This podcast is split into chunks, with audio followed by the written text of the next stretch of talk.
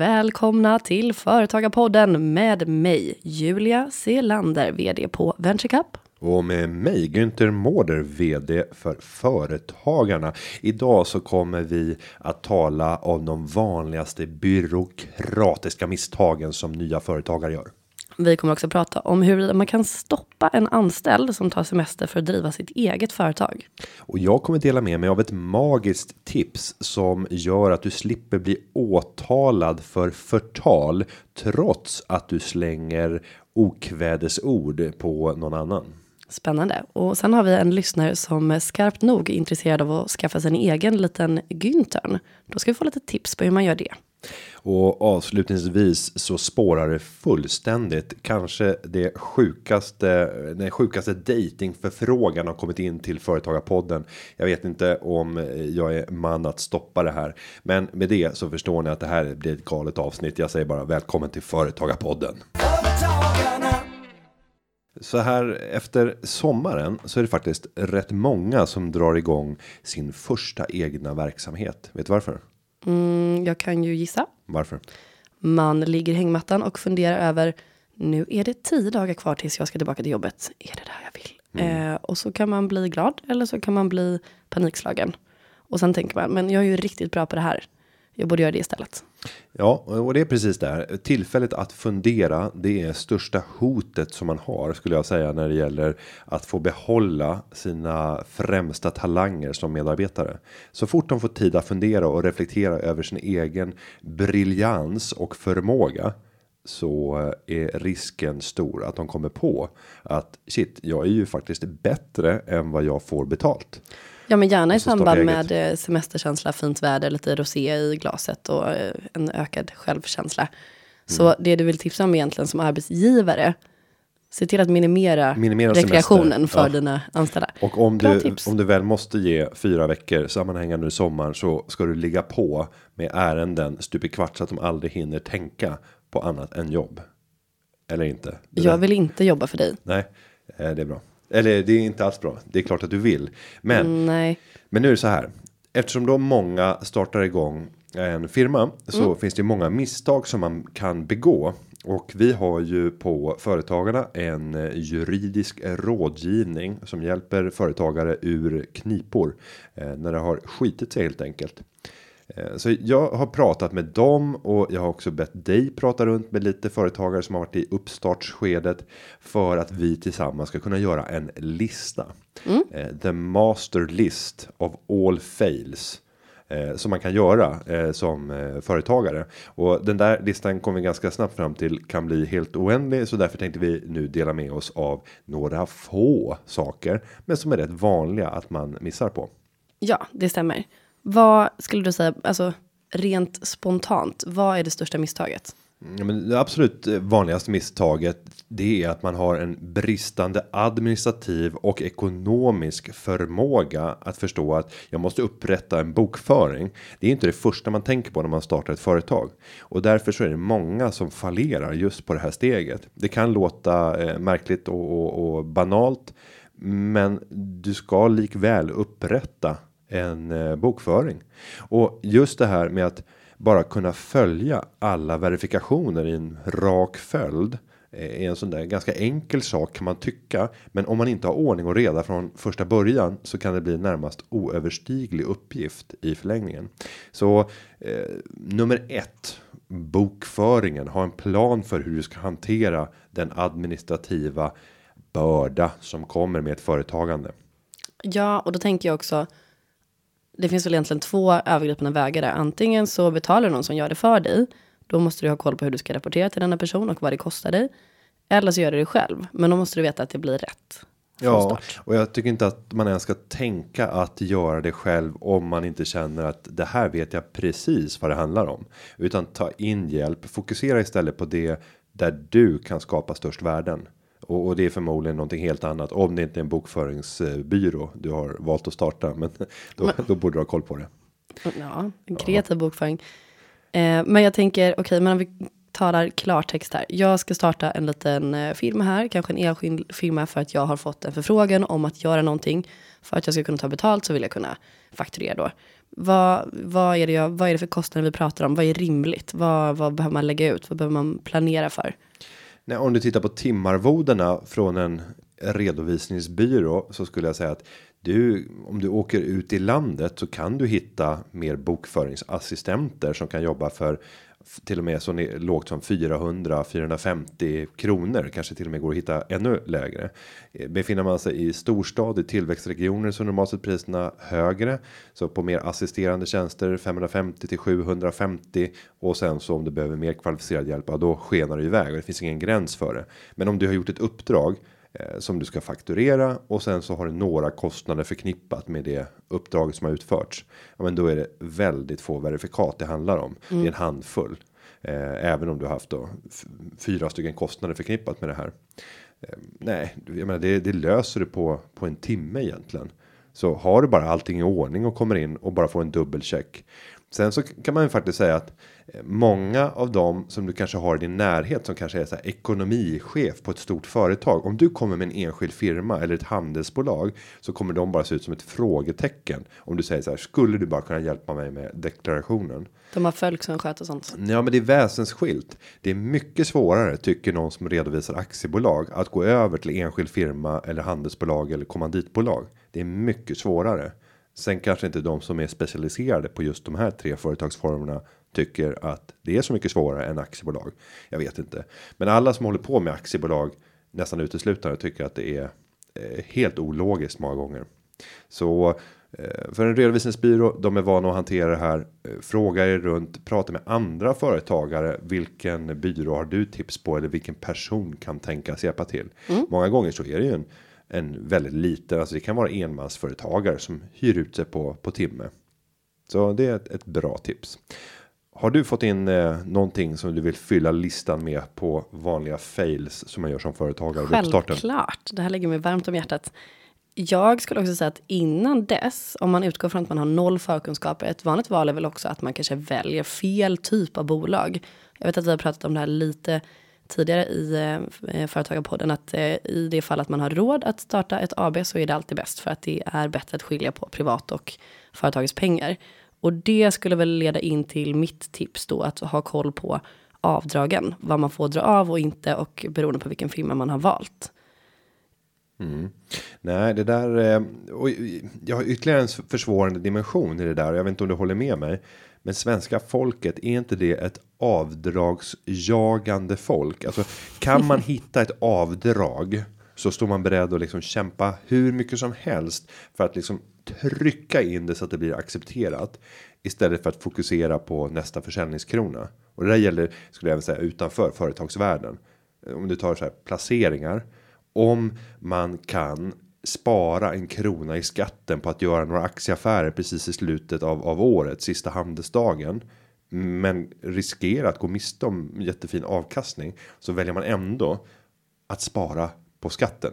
Kan jag få nedsättning på skatten så är det 5 10 gånger mer värt än att tjäna en potentiell krona. Jag tolkar det alltså som att du generaliserar ett helt folk här på ett härligt sätt.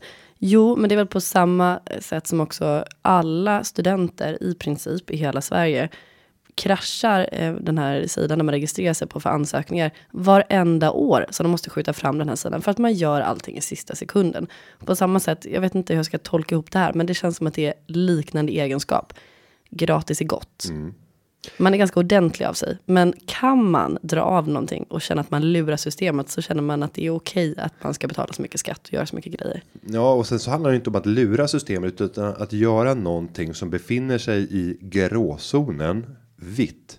Alltså drömmen är ju att göra det oantastligt så att man kan stå där med liksom båda händerna höjda till skyarna och säga jag hade rätt. En av mina favoriter det är ju Alejandro Fuentes Bergström. Känner du till honom? Eh, Nej. Förklara gärna. Eh, apan. Alejandro Fuente, Fuentes Bergström. Nej, då har du en hemläxa att göra. Det här är en av mina stora favoriter och jag vet det här det är tio år gammalt, men det här är fantastiskt. Alejandro har kommit från Chile och eh, invandrat till Sverige och där i Chile så har man liksom en annan myndighets ett annat myndighetsförtryck. Alltså man trycker ner folket med hjälp av sina myndigheter. I alla, fall, I alla fall vad man hör av Alejandro när han ska berätta om hur det är. Det känns väl som att det borde och torde vara ganska väsensskilt. Ja. Det är rimligt men vi, men vi saknar sakkunskaper i frågan. Så, så att vi inte blir förtal från chilenska ambassaden eller liknande nu. Men Det är väl- vore jättespännande Günther. Ja, en sån kan du process. inte hävda det? Jo, nej, men vi, kan, vi kan inte med bestämdhet hävda, men man kan säga att min upplevelse är att det är på det sättet. Det, det är oantastligt. Man kan alltid säga, för då kan du aldrig bli fördömd, eh, dömd för förtal. Min upplevelse, det är att du är en bedragare. Att, eh, ja, då kan du bre på hur mycket som helst. Varför kan aldrig, tittar du sådär på mig när du säger så? Nej, men det kan aldrig bli förtal, för jag vet att jag är ren nu. Jag, jag kan inte säga att du är en bedragare. Nej, Berätta är mer om apan nu istället. Alejandro Fuentes Bergström. Nej, han går med sitt myndighetsförtryck för ögonen eh, där han känt sig förtryckt och sen så kommer han till Sverige och han har liksom en eh, jag ska inte säga konflikt med Skatteverket. De ber att han ska komma in med tilläggsinformation och då känner han att nu har han kniven mot strupet och de försöker sätta dit mig och sen inkommer han med underlag för han har ordning och reda på sina papper och sen får han tillbaka ett besked från Skatteverket att eh, ärendet är, är liksom utagerat. De, de har fått in den information de behöver och han firar. Han hade vunnit mot myndigheten. Det låter ju underbart. Ja, men då är det så här, men vunnit mot myndigheten, du har inte vunnit. Eh, Det, det handlar om att de behövde bara en extra uppgift för att du visade att du hade gjort rätt för dig. Eh, gå ut och googla Alejandro. Fuentes Bergström. Jag Och tror aldrig att du har sagt ett namn fler gånger än det här namnet. Nej, jag älskar det. Så jag hoppas älskar att han betalar dig för det här. Ja, eh, Ja, ja det gör han. ja absolut, absolut, hur mycket som helst. Shoutout till apan. Men det, det låter ju super, superspännande faktiskt. Så det ska, jag- det ska jag kolla. Eh, så felaktig avdrag alltså. Ja, men alltifrån också att man kanske inte riktigt vet hur man ska, alltså vad är representation, inte vad kan man dra av? Och det känns som att alla hela tiden pratar om att det finns mycket smarta grejer och så ja, man drar till med något. Men man blir oftast lite extra granskad när man startar ett nytt eh, bolag. Så att eh, håll koll. Gör inget som inte vi hade gjort. Nej, det, tänk alltid så. Gör ingenting som Julia och. Gunther inte hade gjort. Då kommer alla göra allt istället. det är det jag menar, det är jättebra upp, uppmaning. Då går jag vidare på nästa och det handlar om missar i momsredovisningen. Eh, just momsen är ett särskilt kapitel. Alltså det är eh, många saker där man kan gå fel och man vill gärna tolka momsregler till sin fördel för att kunna sälja till en lägre momsskatt. Det finns många så här kända momskonflikter. En av de mest kända är förmodligen den som har funnits inom skidindustrin, alltså skidanläggningar.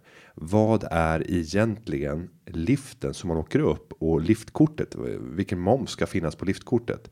Är det att ses som en transport? Eller är det att se som nöje, rekreation? Nej men sluta. Eh, ja, men det, det kommer styra momsatsen. Jo, jag, ja, det begriper jag absolut. Men är det någon som ens kan tolka att åka upp för som rekreation, att det är det som är det roliga? Ja, det, det här har varit tvister fram och tillbaka med ändrade momsatser. Eh, andra saker, och det här är ett verkligt exempel som jag själv har upplevt eh, från min företagarkarriär. Det var när jag jobbade som underleverantör till Aktiespararen, tidningen, och gjorde aktieanalyser. Och då var frågan vilken moms är det på aktieanalyser? Och då är det en nedsatt momsats. Då är det och nu nu ska jag hålla tumman hålla tummen rätt i mun höll jag på att säga. Ja, det- jag, jag, tänker, jag tänker inte säga den rätta procentsatsen, men det är en nedsättning. Eh, men om jag hade sålt samma analys till eh, dig för att du ville ha den här analysen av det här företaget, då hade det varit 25% moms. Men när jag säljer den till en tidning, då är det ett konstnärligt verk, inte en analys som är menad att liksom användas för andra affärer. Det är inte en konsultrapport motsvarande, utan det är ett konstnärligt verk och då har du en momsnedsättning på det. Nej, det här är sjukt. Och- Men du ser lite ut som jag tänker mig att apan ser ut. Nej. Du har lurat systemet blicken, det gillar jag. Nej, för att jag, jag ville ju naturligtvis sälja till en högre momssatsen. Eh, Jo, men självklart, men om du känner till att det är skillnader så har ju du makten för du har informationen och kunskapen. Ja, så då kan du veta hur du kan använda det till din fördel. Det är alltid bra. Ja, fast här, fördelen i det här fallet var ju begränsande eftersom jag fick lägre ingående moms. Eh, eftersom jag inte fick fakturera med lika mycket moms som om jag hade haft en analys som jag sålde till någon som skulle använda den för att göra affärer eller affärsutvecklare eller liknande. Det är fattat. Ja, ja, men det är ett vanligt fel att man helt enkelt inte har koll på hur funkar momsen i min bransch? Vilka momssatser är det? Hur ska den redovisas? Ett annat det är att skicka in momsdeklarationen i tid och förlåt Skatteverket. Jag har failat eh, även på den punkten vid två tillfällen. Första gången som man gör det eh, och nu är det här. Ja, det var inte så himla länge sedan. Det har hänt vid flera tillfällen, men första gången så är det lite förlåtande avgift. Då är den ganska låg om det är en 500. Jag låter det vara osagt, men andra gången då svider det till lite mer. Jag tror att de höjer till 2000 kronor. Dubbelkolla beloppen förseningsavgift, eh, sent inkommen momsdeklaration kan ni googla. Eh, så att eh, nej, onödig kostnad. Men håll koll på papperna och håll också koll på var papperna kommer så att säga. För att jag var också med min lilla, jag kan inte ens, jag kan inte ens uttala utan att fnissa. Eh, med min egen lilla enskilda firma som typ hade en kund. Eh, att du får ju också så här massa olika konton du ska hålla koll på. Vissa brevlådor är digitalt, du ska gå in på Skatteverket. Vissa får du hem, vissa får du hit, vissa får du dit. Sen är det sommar och semester och sen helt plötsligt så har du den här påminnelseavgiften. Det är så störigt. Mm. Håll koll. Om vi ska gå vidare i listan så vet jag att du även tog upp någonting kopplat till momsen. Ja, och alltså bara jag uttalar moms så är det som när jag tänker på matematik. Jag liksom det blir slå slint i hjärnan så jag verkligen försöker anstränga mig här nu. Men Alltså det är viktigt att du också så här, håller koll, men det beror ju på vilken typ du har valt. Om du har valt liksom månads, tre månaders eller helårsredovisning. Eh, så det är väl också ett tips. Men kan inte du ta det här med momsen Günther? Ja, hur ska man ta det med momsen? Eh, nej, men det är att man inte i, i förlängningen deklarerar momsen. Alltså du måste ju även eh, skriva in det i din deklaration. Driver en enskild firma eller ett handelsbolag? Ja, då ska det in i deklarationen. Även om det är noll, eller hur? Ja, du måste nolla mm. och, och hoppar du över det. Nej, då kan det bli reprimander igen. Så att det viktiga är att bara skicka in den överhuvudtaget. Eh, och det är de misstagen som jag har gjort att jag tycker att ja, det är liksom fall. Det var när jag var vd på Aktiespararna. Jag var ju tvungen att lägga ner min verksamhet. Jag hade varit en underkonsult och levererat saker till förbundet och sen hade jag gjort, tagit en anställning och fick jag sluta med verksamheten.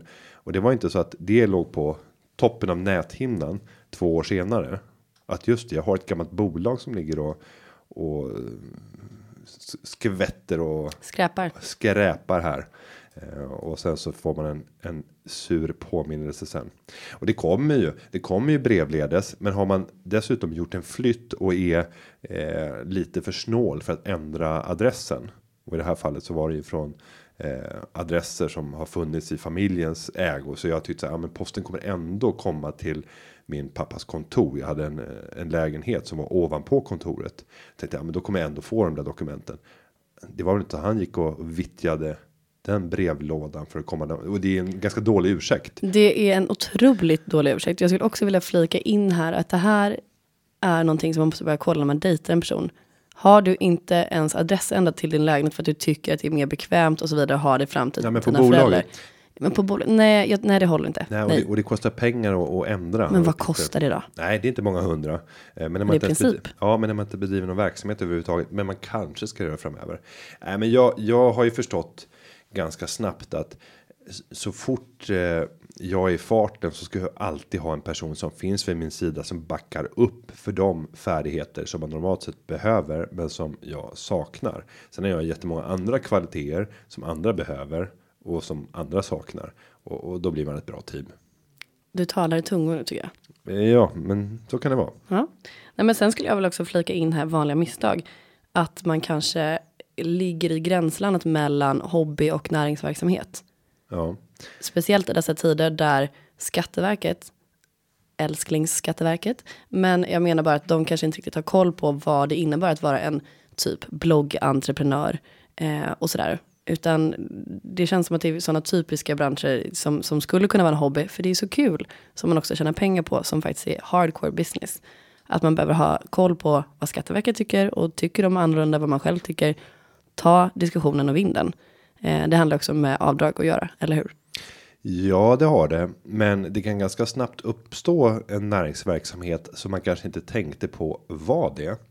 Låt oss säga om jag ska ta eh, ett exempel. Om du älskar att renovera bilar. Du älskar att vara i garaget. Du är otroligt skicklig på att få rena vrak att se ut som eh, närmast obrukade gamla rariteter. Så du tar veteranbilar som är 50 år gamla, renoverar upp dem i toppskick. Och det tar ett år per bil och du tjänar. Du köper vraket för 50 000. Du säljer slutresultatet för 500 000. Eh, ja, ganska snabbt så är det där att börja betrakta som en näringsverksamhet om syftet faktiskt är att sälja och sälja till profit. Om det bara råkar vara så att nej, men jag gjorde det här för privat bruk. Ehm, jag har stadigvarande brukat den här och, och sen så har jag sålt den och det råkade bli en vinst. Äh, då kan du klara dig från det. Det är ungefär som när du renoverar din lägenhet. Det är inte att du ska beskattas eh, som företagare för att du har renoverat din lägenhet. Men om du säljer tillräckligt många lägenheter. Ja, då börjar det bli affärsverksamhet. Hur skulle man resonera som en, eh, som en handläggare på Skatteverket här? Hur många, hur många är många? Nej, men jag, det finns nog när det gäller lägenheter så finns det nog klarare definierat antal. Men när det gäller andra typer av verksamheter, typ att hålla på och renovera bilar på det här sättet. Och där det förmodligen blir en oregelbunden försäljning. Du kanske bygger upp ett lager av tre bilar som du plötsligt säljer ett år. Så att och det var egentligen fyra års arbete som var ackumulerat och du har brukat dem rätt flitigt under perioden och så vidare. Eh, nej, och då skulle jag liksom begagna ett eh, favorituttryck som eh, vår vår gamle gamle ja men vår vår eh, gamle eh, företagarpoddare Jenny brukade begagna. Skatteverket gör alltid en helhetsbedömning och så även i de fallen. Då kommer du få frågor om de ser att du har gjort stora försäljningar av och det ser man ju inte att det är priserna som du har sålt för en, en, en bils pris registreras ju inte när du gör en affär. Om du köper min bil så kan ingen se vad du egentligen har betalat för den. Jag skulle vilja rekommendera följande. Om man känner att man eh, ligger lite så att säga i en, eh, eh, ja, man har lite olika åsikter med Skatteverket om vad man har för typ av verksamhet. Säg, jag ska tänka på saken, jag ska kika efter och sen skickar du in exakt eh, förfrågan till Företagarpodden så kan vi lösa det för er. Ja, då kan vi. Det kan vi absolut göra. Och sen tycker jag att vi ska gå ut och jaga. Jag har sett nu under sommaren flera barn som har stått liksom på centralt belägna platser där många människor rör sig under sommaren, typ vid sandstranden och tagit med sig en dunk saft där de har hällt i isbitar för att det ska hålla sig kallt och så har de sålt saft för 10 kronor i glaset. Och jag är inte helt säker på att det här sköts på rätt sätt. Så att jag hoppade faktiskt på två stycken flickor här Det gjorde du inte. Det här är ju en sån jäkla Günther-skröna. Nej, nej, nej, nej, nej, nej. Nej, och det visade sig att de hade inga papper alls. Så jag ringde polisen. Ja, det gjorde jag. Ja. Nej, det ska premieras företagar. Men det här eh, gamla juice-tricket, funkar det fortfarande bland barnen? Ja, det gör det. Säljer man inte så här fidget spinners och sånt istället? Jo, det gör man också. Jag var nere på eh, Ung Drive Masters. Eh, det är sommarlovsentreprenörer runt om i Sverige. Eh, Och eh, då hade de finalen i Gnosjö. Så jag var där förra fredagen. Och då var det faktiskt en av deltagarna, eller ett team där. Som hade sålt just fidget spinners. Hade köpt för 12 kronor om jag inte missminner mig. Och sålt för 70 kronor. Eh, styck. Och det blir en bra profit. Ja. Så att jag tror att eh, det gänget fick en ganska bra sommar. För de, de krängde på rejält kan jag säga. Sen så är det nog svårt att återupprepa den försäljningen nästa år. Så är det alltid med de där trenderna. Men då gäller det bara att lära sig hur spanar man in trender. Exakt. Ja, men med dessa eh, väldigt bra tips så tycker jag att vi har väl fångat in de vanligaste misstagen, eller? Ja, det tycker jag. Och vi går vidare. Det gör vi. Vi har fått in en fråga till Företagarpodden. Och hur gör man för att ställa frågor Julia? Jo, då kan man eh, antingen gå in på hemsidan och ställa sin lite längre fråga om man vill ha en sådan. Eller så kan man använda hashtaggen Företagarpodden på Instagram och Twitter. Ja, och då får jag rätta dig här. Då använder man hashtag företagarpodden med ö. Eller så går man in på hemsidan företagarpodden.se. Men vad fan? Eller hur? Du gjorde fel. Men jag gjorde ju fel för att du skulle behöva rätta mig. Ja. Ehm, ja, då ska vi se här. Frågan är från Marie i Linköping. Hej Marie, hon skriver så här. Hej Företagarpodden. Jag har en fråga om en anställd som har ett eget företag vid sidan om sin anställning hos mig. Jag misstänker att denna anställde tagit semester en dag för att jobba med sitt egna företag. För mig är inte detta giltig grund för semester utan istället tjänstledighet. Finns det några regler kring detta? Och det gör det. Och vi har låtit företagarnas rådgivning titta på det här och eh, eh absolut, visst finns det regler som styr det här. Till att börja med så måste man ju ställa frågan. Har eh, en arbetsgivare rätt att styra vad en människa gör på semestern? Om man frågar Günther, ja. Om man frågar övriga, nej. Nej, enligt lag så har man inte rätt till det.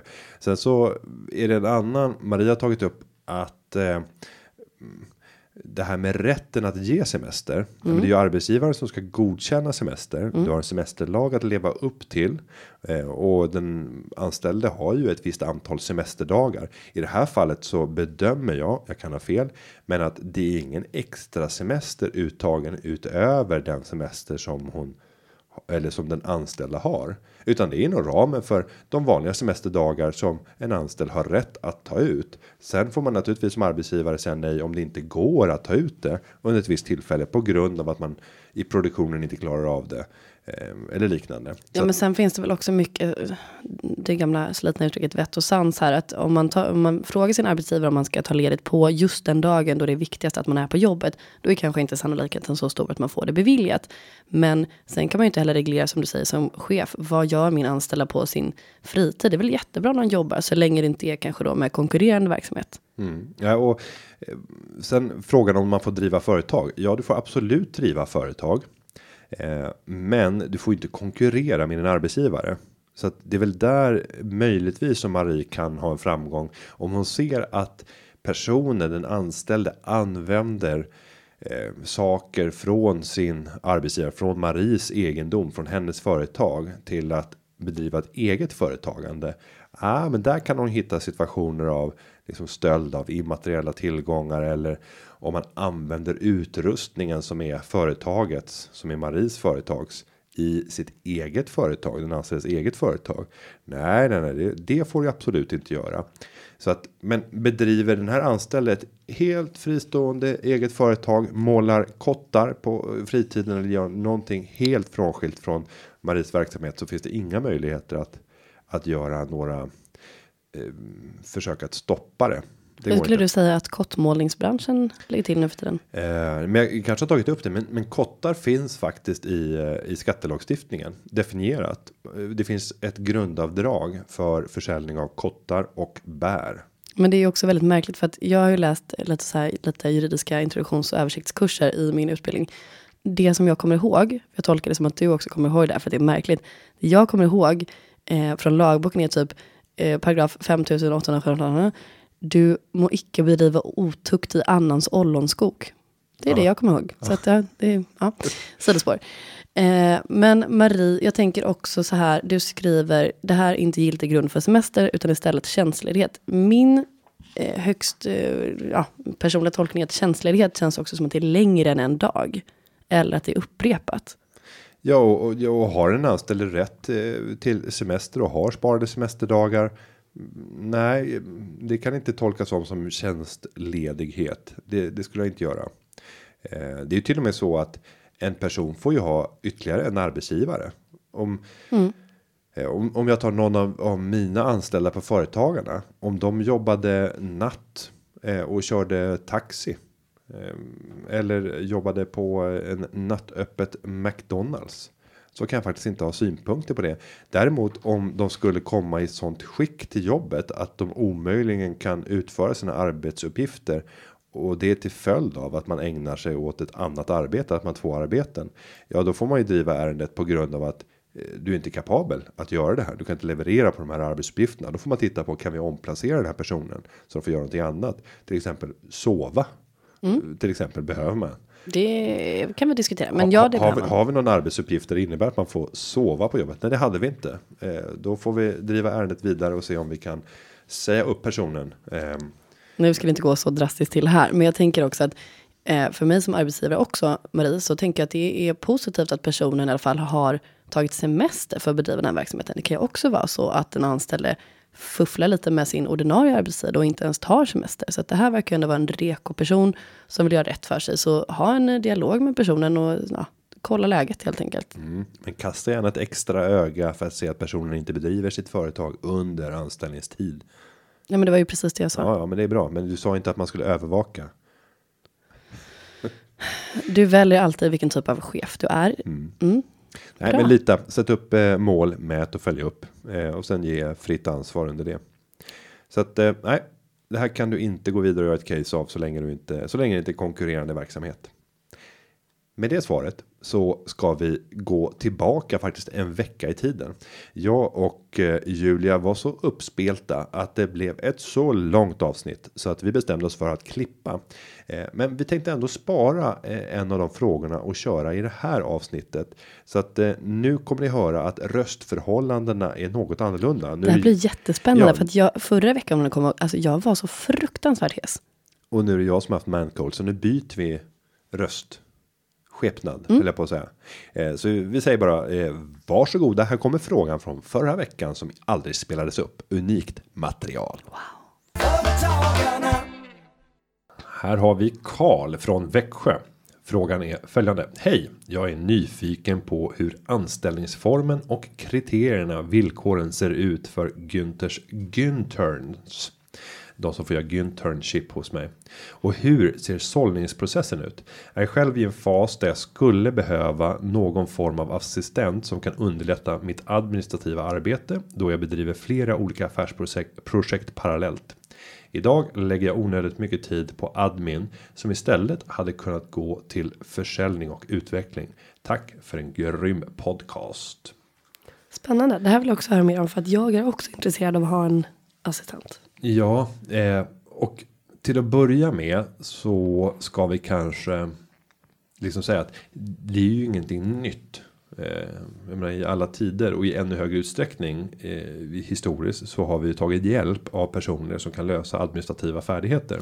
Med vi så menar vi Eh, yrkeskåren arbetande människor eller vi på företagarna. Alla företag, alla organisationer. Ja, ja, absolut. Jag är med dig. Och tittar vi på skråt, assistent, sekreterare. Så Mm. var ju det mycket vanligare förr i tiden innan saker och ting digitaliserades. Idag kan vi göra så mycket själva. Eh, och vi skulle aldrig få för oss att sitta och skriva någonting för hand. För att någon sen ska sitta och skriva in det i datormaskinen. För att sända iväg det här e-posten. Gud vad sjukt. Nej men så var det ju. Där satt ju eh, direktören och kanske st- stenograferade eller så fick sekreteraren bara sitta och ta och så stenograferade sekreteraren för att sen skriva in det på skrivmaskinen. Så att, menar, eh, förekomsten både av eh, av eh, sekreterare men också av ganska avancerade assistenter var vanligare. Om vi går, går tillbaka till storföretagstiden eller storföretagslivet förr i tiden. Om vi tittar på 60, 70 och 80-talet så var det väldigt vanligt att vd för de största bolagen i Sverige hade en hel stab av rätt juniora medarbetare men som var allt i allor som fick göra både höga och låga uppgifter. Eh, och man skulle i det moderna Sverige kunna kalla det för det Kinneviks eh, koncernen har som lumor som ett internship där du får vara med ledningen. Du får göra de mest avancerade uppgifterna till de enklaste och det är ett sjukt arbetstempo. Men du vet att efter det så väntade en fantastisk karriär.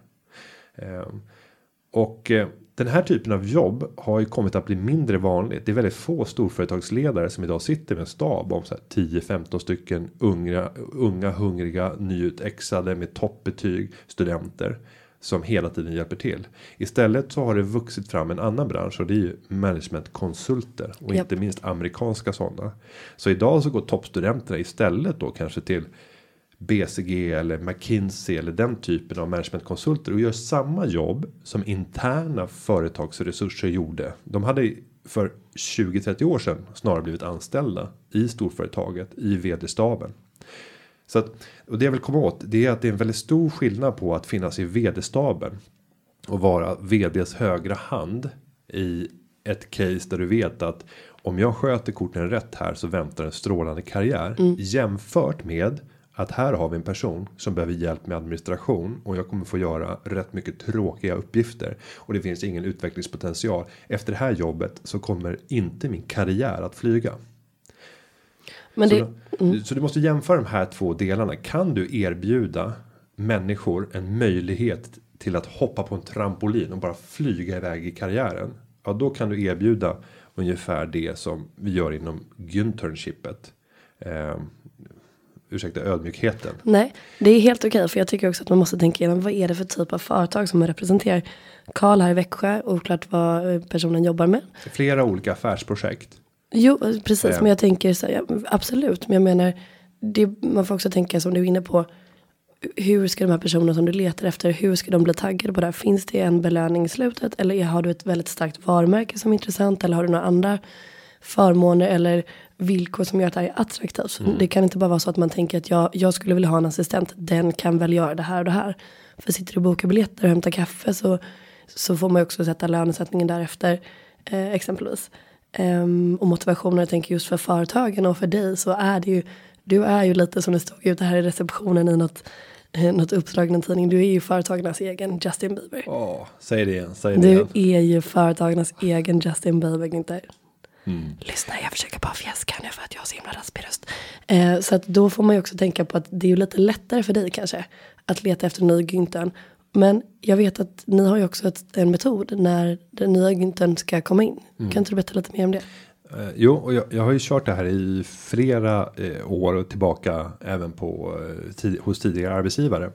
Men då har vi ofta nu senare åren när det har blivit lite fler. Nu är jag inne på min tolfte i ordningen, Amanda. Eh, och om vi tar Åh, Amanda. Amanda. Nej men alltså Amanda, åh, den tack. jag vill, Tack, tack för jag allt. vill vara Amanda. Eh, nej, och det. Eh, om vi tar hennes process. Hur, hur kom hon in? Och först så utannonserar vi oftast med ganska roliga annonser för att få en viral spridning. För att kunna få oväntade kandidater att söka. För att jag brukar få två olika typer av kandidater. Den ena kandidaten det är personer som eh, liksom avgudar mina spartips och älskar investeringar och har följt med sedan tiden på Sparpodden.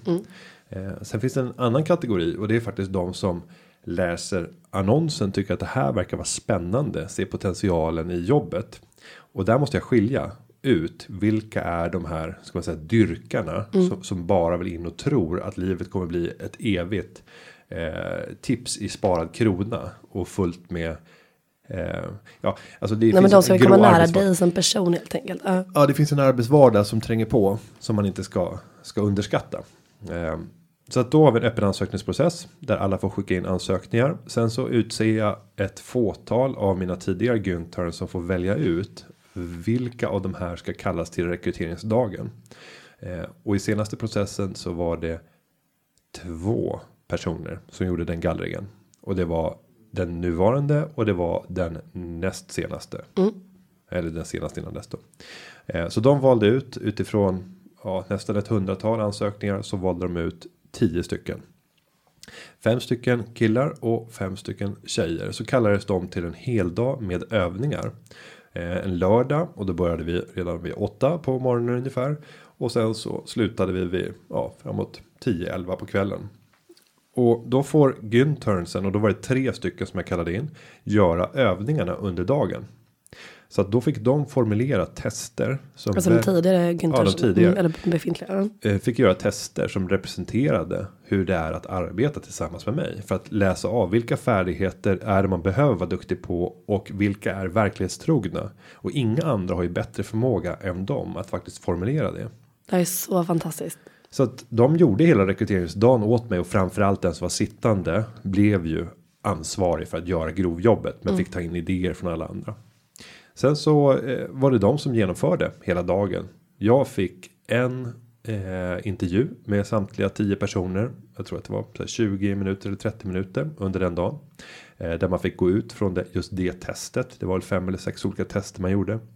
Sen finns det, fanns det även under rekryteringsdagen insprängt moment som man tänker att det här är kanske inte en del av rekryteringsprocessen. Det första är ju när man kommer, då får man en presentation. Jag berättar lite grann om dagen.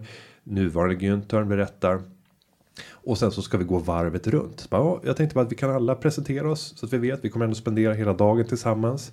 Eh, så berätta lite grann om er själva och lite relevanta saker för varför ni sitter här. Så att man ger en helt öppen fråga för att bara säga okej, hur tacklar du det? Och vem tar ton först? Ja, och vad händer när man börjar trigga? För då är det så här, ja men första personen sitter ner, håller en ganska kort presentation. Person nummer två måste ju leverera någonting mer än person ett. Och sen typ så här, person nummer fem ställer sig upp och bara Jag tänker att det blir trevligare om jag ställer mig upp och står här så att alla kan se mig riktigt bra. Okej, okay, då har du förstört för alla de återstående fem. Och alla de andra fyra sitter bara ah, varför ställde jag mig Speciellt inte upp? Speciellt person ett, bara helvete. Shit. Eh, och bara se vad händer och jag tittar ju lika mycket på den där första också för att se hur reagerar de. Hur reagerar den där personen som är nummer 10 som måste toppa alla de andra nio innan. Eller är man liksom avspänd och cool? Kan man ta stress? För det vi testar i det läget är ju egentligen att hur tar du stress? Ja.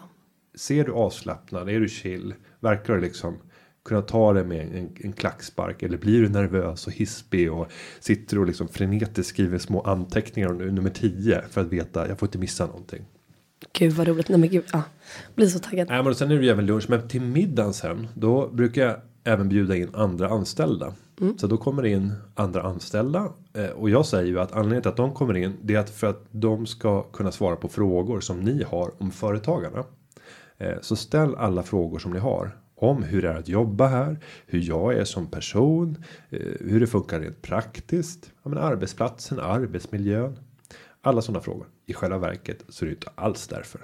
De, det har ju alla fattat. Ja, de är där för att bedöma. Infiltratörer. Sociala färdigheter. Såklart. Men så... också så här, man får titta på vad är det för typ av personer då. Har man inga frågor när du öppnat upp för den här enorma möjligheten. Då är man ju borta direkt. Nej, och så sitter man kring ett långbord och sen byter vi platser för att man ska cirkulera runt. Och sen har jag ju bett då de anställda att hela tiden föra bok över. Vad är det de ser, vad är det de observerar? Mm. Vilka är det som särskiljer sig? Varför särskiljer de sig? Och sen har jag även tagit med min fru. Det är också en bra värdemätare. Att hon får cirkulera runt och, och träffa och se vilka går hon igång på.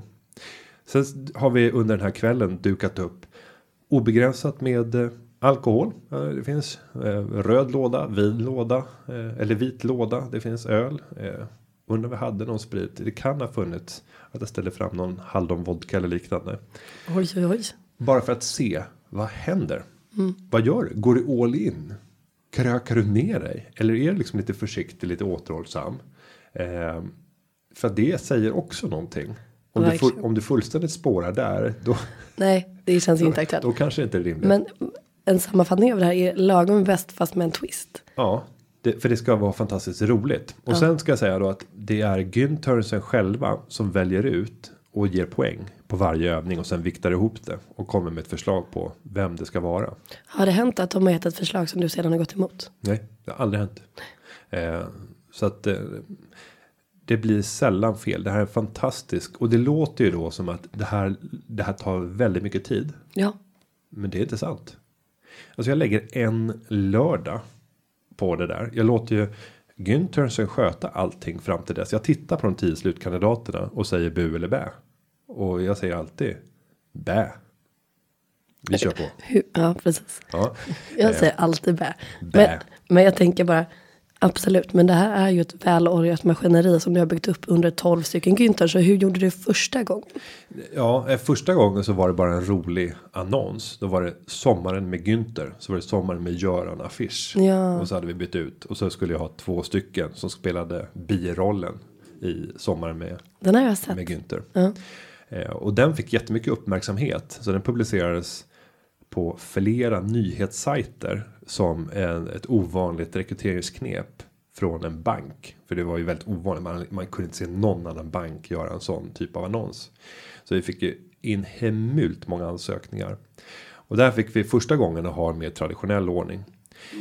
Och jag ska säga villkor och så. Nej, men jag har ju betalat en, en lön för det här de senare åren. Eh, när jag var på banken då kunde jag ibland plocka studenter kortare perioder. Ofta var det ett kvartal eller två kvartal och de fick göra det inom ramen för utbildningen. Mm. Och då var det ingen ersättning utan då fick de ju studiepoäng för det. Eh, men då erbjöd jag alltid extra jobb så att de kunde jobba på kundtjänst för det fanns andra jobb att erbjuda. Eh, så att de kunde jobba mycket och få en hygglig lön ändå men samtidigt göra ett internship samtidigt. Men det skulle jag säga är ett tips också. Beroende på vilken typ av bransch eh, som eh, Karl som ställer frågan är i. Är det så att man jobbar mycket med evenemang. Titta på om det finns några speciella högskoleutbildningar inom evenemang. Där man kan plocka. För att jag sysslar mycket med lärosätets kontakter också. Ursäkta mig.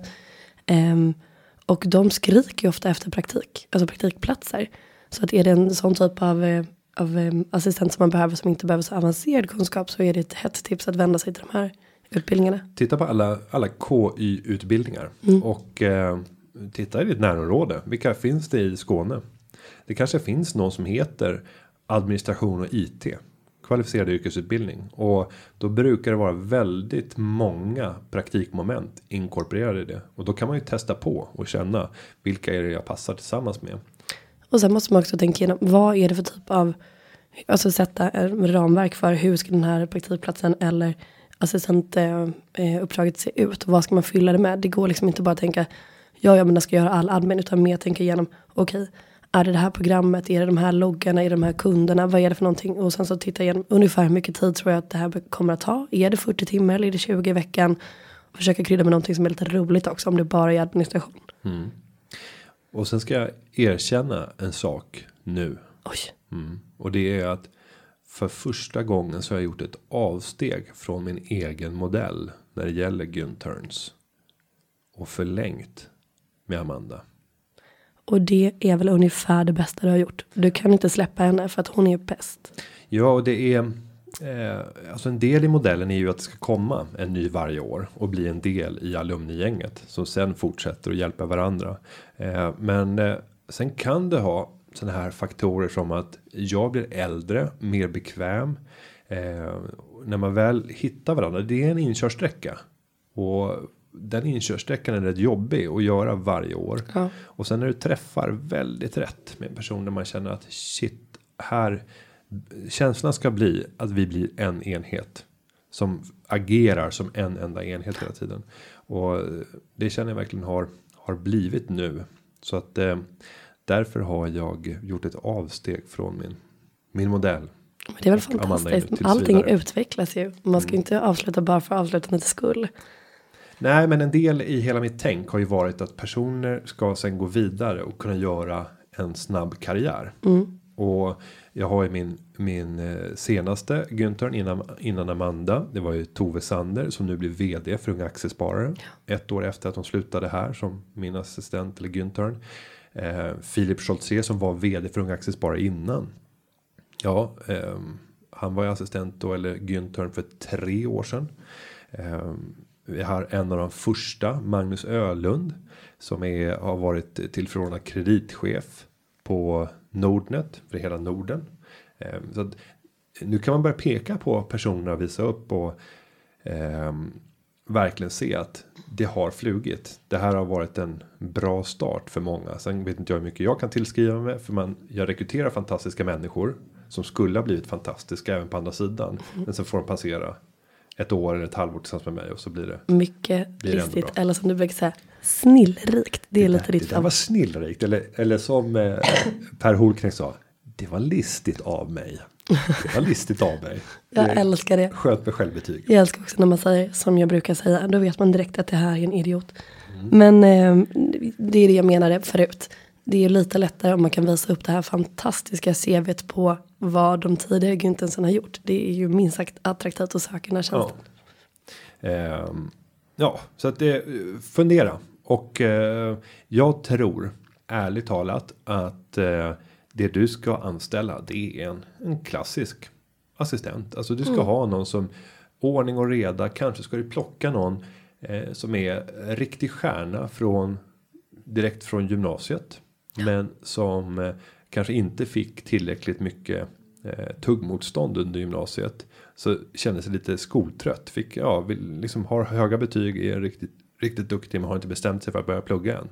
Att plocka ett av dess en, en av de här sabbatsåren som kommer. Eh, det tror jag är mest värde för pengarna och eh, förhoppningsvis så kan du även få in en person då som tänker lite annorlunda än du själv för att de är lite yngre. Nu vet vi inte hur gammal Karl är däremot. Nej, men säkert några år äldre än att eh, han precis har slutat gymnasiet i alla fall. Men eh, och sen också paketera det. Sätta ihop det som kanske det är mer attraktivt att, att söka en assistenttjänst som är ett år och så kallar man det någonting och så bygger man på ut efter tidens gång. Tänk igenom hur du ska locka rätt personer. Vad är det för typ av person du vill ha och vad tror du att den attraheras av när du annonserar? Och man måste få göra lite mer avancerade uppgifter också och Absolut. få vara med och se och lära. Ehm, så att det inte bara är att sitta i bakgrunden och administrera. Exakt. Ja men lycka till. Det är spännande. Jag är som sagt också på jakt efter assistent här framöver. Vi får se hur den resan går. Men eh, Karl, om det går bra och om du har fått några tips här så kan du väl höra av dig igen och berätta hur det går. Ja, och eh, vill ni jobba med eh, Julia så skicka ett e-post eller ett direktmeddelande i sociala medier och marknadsför det på något innovativt sätt. Det skulle jag vilja säga. Jag föredrar just nu rap annonser. Så om du skickar in en liten rap om varför du ska bli anställd hos mig så, eh, så löser vi det. Do it. Och där är vi tillbaka i vårt nuvarande skick. Ett sämre skick skulle jag säga för, från min sida. Och ett bättre från min sida. Beroende på vilken typ av Julias röst man gillar. Det är sant. Men du, på tal om eh, lyssnarfrågor. Man kan ju skicka in sådana frågor på lite olika sätt. Jag har också fått en, eh, en direkt Du fråga. har här. en sån där blick. Som jag, Vad är det för blick? Nej, jag vet inte. Jag blir orolig. Men kan du inte beskriva den? För jag älskar den här blicken hos mig själv. Alltså inifrån. Jag känner själv hur jag ser ut. Nej, men det är så här pillemarisk. Eh, ja, den är fylld av lite djävulskap. Nu kommer det snart en hård serv serverad känns det som. Mm, kanske det. Vi får se. Ja, men jag har fått en fråga här eh, på en kanal som jag har. Eh, och jag tänker att du ska få läsa upp den. Så kan vi se om vi kan eh, ge svar på den. Okej, nu blir jag lite nervöst här. Ja, Ja. Ehm, du får inte säga vem det är ifrån. Nej. Eh, hej Företagarpodden. Först och främst vill jag tacka för en bra och trevlig podd. Speciellt Julia verkar vara en oerhört spännande person. Günther, du är också härlig. Av det jag hört misstänker jag dock att Julia inte är så bra på sparad krona. Så jag undrar om jag får bjuda ut henne på middag i utbyte mot feedback på mina tankar och idéer. Win-win tänker jag. Nu till min egentliga fråga. Jag håller nämligen på att starta ett bolag vid sidan av mitt vanliga jobb och undrar om ni har några tips på bra elektroniska tjänster för fakturering och redovisning. Tack på förhand. Vem är det ifrån då? Krögan. Oj, spännande. Oj oj oj. Ja, men Men, ha, men har vi ett ja på frågan? eh, på vilken av dem? Eh, får Krögan en dejt? Vad tycker ni kära lyssnare? Ja, det är klart han får det. Han får en dejt. Ja, Ja, eh, med det så. enbart med det professionella perspektivet att jag ska få några tips till slösad krona och jag måste göra det här i Företagarpoddens tjänst för att dokumentera och kunna återkoppla till er kära lyssnare. Ja, Det kan bli kul. Och vad skulle du ge för tips på elektroniska verktyg för bokföring?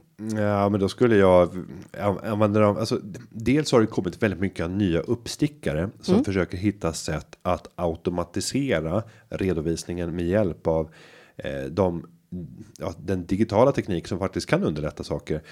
Ta bara en sån sak som att ett kvitto är ju ett kvitto och innehåller en, en rad parametrar som är alltid är de samma.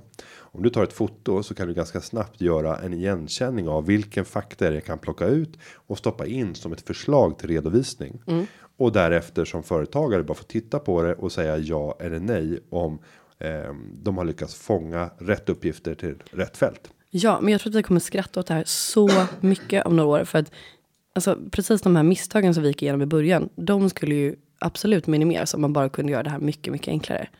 Nej, men sen i det här sammanhanget så måste vi ju ändå eh, nämna, även om vi kommer skratta åt eh, eh ny teknik som kommer att revolutionera det här, att det finns väldigt många traditionella aktörer som har välfungerande elektroniska system med bra uppföljning och faktureringstjänster och factoringtjänster och liknande. En av dem är ju Fortnox.